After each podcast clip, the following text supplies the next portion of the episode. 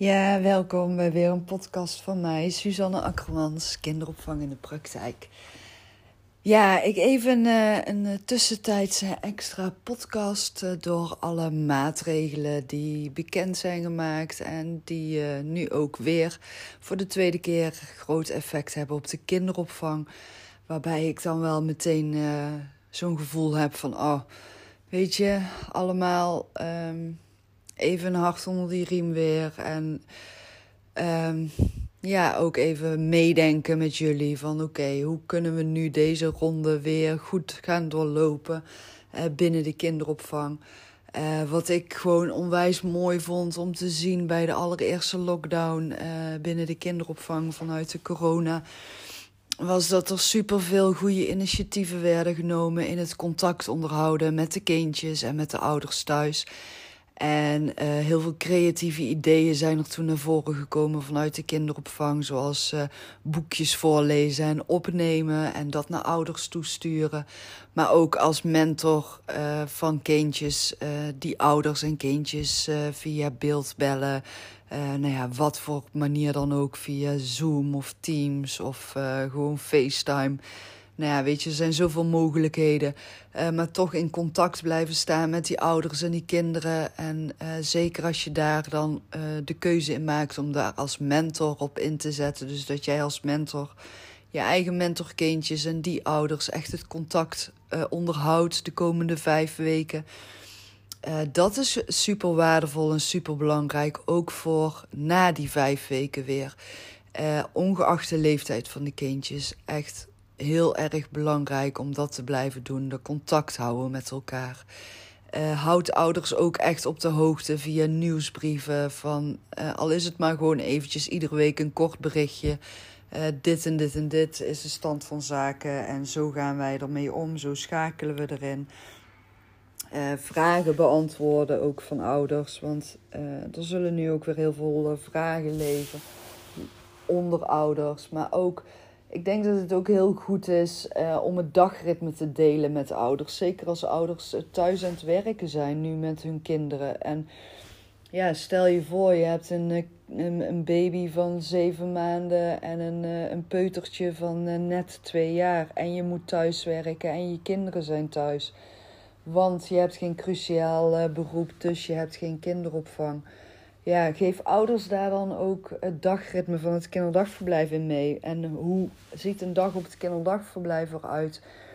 En hoe kunnen ouders dat dan thuis ook toepassen, zodat ouders ook een beetje meer structuur hebben voor thuis en waar ze op kunnen letten en welke momenten ouders dan kunnen pakken om even te kunnen werken, ook al zijn de kindjes thuis. En probeer dat dan zo te vertalen zoals jullie zelf ook werken? Ehm, binnen de groepen. Dus als jij uh, van, uh, nou ja, na het fruitmoment bijvoorbeeld, gaan vaak de allerkleinste kindjes slapen en de peutertjes die gaan dan een activiteit doen. Dus hoe kan een ouder dan welk moment het beste uitkiezen om even thuis te gaan werken? En uh, ja, wat ik daarin dan ouders zou willen adviseren. Dus wat jullie als kinderdagverblijf ook naar ouders toe uh, kunnen gaan doorgeven of terugkoppelen. Uh, probeer echt dat dagritme van het kinderdagverblijf thuis ook toe te passen. Dus uh, gewoon s'morgens op tijd, hup, iedereen uit bed, kleren aan. En dan is het niet net kinderdagverblijf, maar dan start je ook gewoon thuis de dag uh, met geef spelactiviteiten tips mee aan ouders. geef tips voor leuke boekjes voor te lezen. geef leuke kleurplaten of knutselideeën die ze thuis met de kindjes kunnen doen, maar ook activiteiten voor buiten. Weet je, ga lekker uh, twee keer per dag met de kindjes even een rondje wandelen naar de kinderboerderij. En geef dan leuke liedjes mee die ze kunnen zingen samen met de kindjes. Die je normaal gesproken op het kinderdagverblijf ook doet zingen. En dan tussen de middag als die kindjes gaan slapen. Uh, dat ouders dan ook dat moment even kunnen gebruiken om te werken. En uh, dat ouders echt niet heel de dag thuis hun kindje hoeven te volmaken. Omdat jullie dat op het kinderdagverblijf natuurlijk ook niet doen. Dus wat ik eigenlijk aan jou als uh, kinderdagverblijf uh, professional mee wil geven is... Ga uh, vertalen naar ouders toe wat jullie heel de dag in de groep doen, zodat de ouder ook ziet van oké, deze momenten kan ik dan gaan werken, want dat zijn de momenten dat op het kinderdagverblijf bijvoorbeeld ontwikkelingsverslagen worden bijgewerkt of dat er een moment is dat uh, er geen activiteiten met kinderen worden gedaan, maar dat jullie activiteiten aan het voorbereiden zijn of huishoudelijke taken aan het verrichten zijn. En kijk een beetje van oké, welk moment kun je dan een ouder meegeven dat hij thuis kan gaan werken.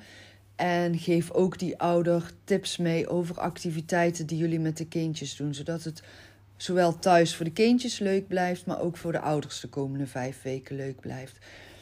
Nou, mocht je het nou leuk vinden om hier wat meer extra tips over te ontvangen, laat het me zeker even weten. Ik heb zo nou ja, in een uurtijd heb ik iets uh, makkelijks in elkaar geknutseld. wat je bewijzen van een ouders mee kan gaan geven.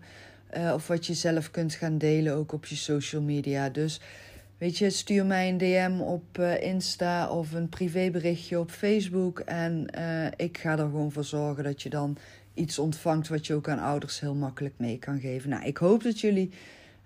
dat ik jullie door deze extra podcast heb weten te inspireren en wat nieuwe ideeën heb weten mee te geven. Zodat jullie in contact kunnen blijven staan met de ouders de komende vijf weken. Zodat jullie teamleden ook um, ja, actief nog um, ja, wat, wat ideeën hebben om mee aan de slag te gaan. Probeer ook de komende weken gewoon echt in te zetten op wat kunnen ouders thuis met hun kindjes doen en hoe kunnen jullie de ouders daarbij helpen.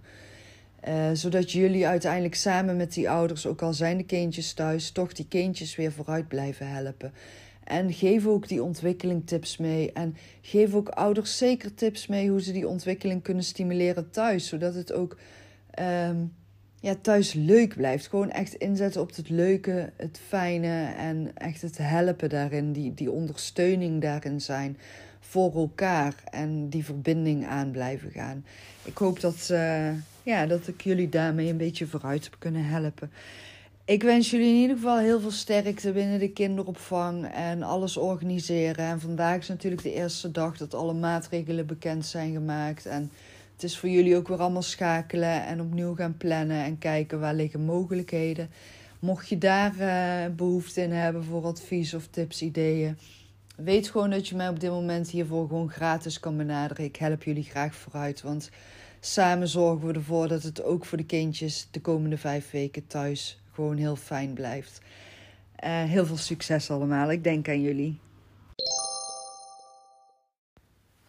Superleuk dat jij naar een podcast van mij hebt geluisterd. Ik heb er al meerdere opgenomen en misschien heb je er al meer geluisterd, misschien was het de eerste.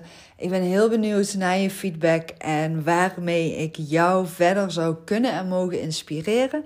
Ben jij benieuwd naar wat ik allemaal nog meer doe? Volg mij zeker op social media. Neem een kijkje op mijn website gewoon suzanne.com. Um, heb je ergens vragen over? Je mag me altijd een DM sturen op Insta, een uh, privébericht op Facebook. Uh, of je stuurt mij een mailtje, suzanne.gewoonsuzanne.com. Uh, mijn naam is uh, Suzanne met S-U-S. Dus als je mij gaat googlen, let dan even op dat je mijn naam goed spelt. Ik wens je een hele fijne dag en dank je wel voor het luisteren naar mijn podcast.